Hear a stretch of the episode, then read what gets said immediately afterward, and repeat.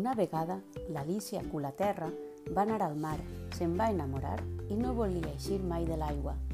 Alicia, ix de l'aigua, li cridava la seva mare.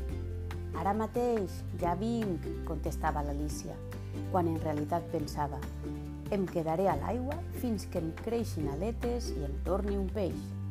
A la nit, abans d'anar a dormir, es mirava les espatlles al mirall per veure si li creixien les aletes o, si més no, unes quantes escates de plata. Però l'única cosa que hi trobava eren grans de sorra si no s'havia dutxat a consciència.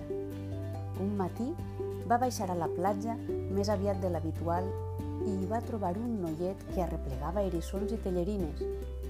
Era fill de pescadors i en sabia un niu de les coses del mar. Tu saps com es fa per transformar-se en peix? li va demanar l'Alicia. Ara mateix t'ho ensenye, va dir el xiquet. Va deixar el farcellet amb els erissons i les tellerines damunt d'una roca i es va capbussar al mar.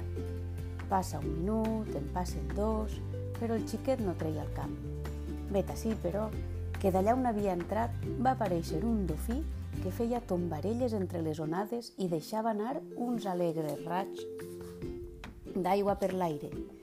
El dofí es va acostar a jugar als peus de l'Alicia i ella no va tenir ni gota de por. Al cap d'una estona, el dofí, amb un elegant cop de cua, es va enfonsar en les profunditats al seu lloc va tornar a aparèixer el noiet de les tellerines i va somriure. Has vist com n'és de senzill? Sí que ho he vist, però no sé si ho sabré fer. Prova-ho. L'Alicia es va capbussar, desitjant tornar-se una estrella de mar, però va caure en una petxina que badallava. Ràpidament va tancar les valves i l'Alicia i tots els seus somnis van quedar empresonats. Tornem amb els problemes, va pensar la nena. Però quin silenci, quina pau més fresca allà sota i allà dins. Hauria estat bonic quedar-se allà per sempre, viure al fons del mar, com les sirenes d'altres temps. L'Alicia va deixar anar un sospir. Va recordar la mare, que es pensava que encara era al llit.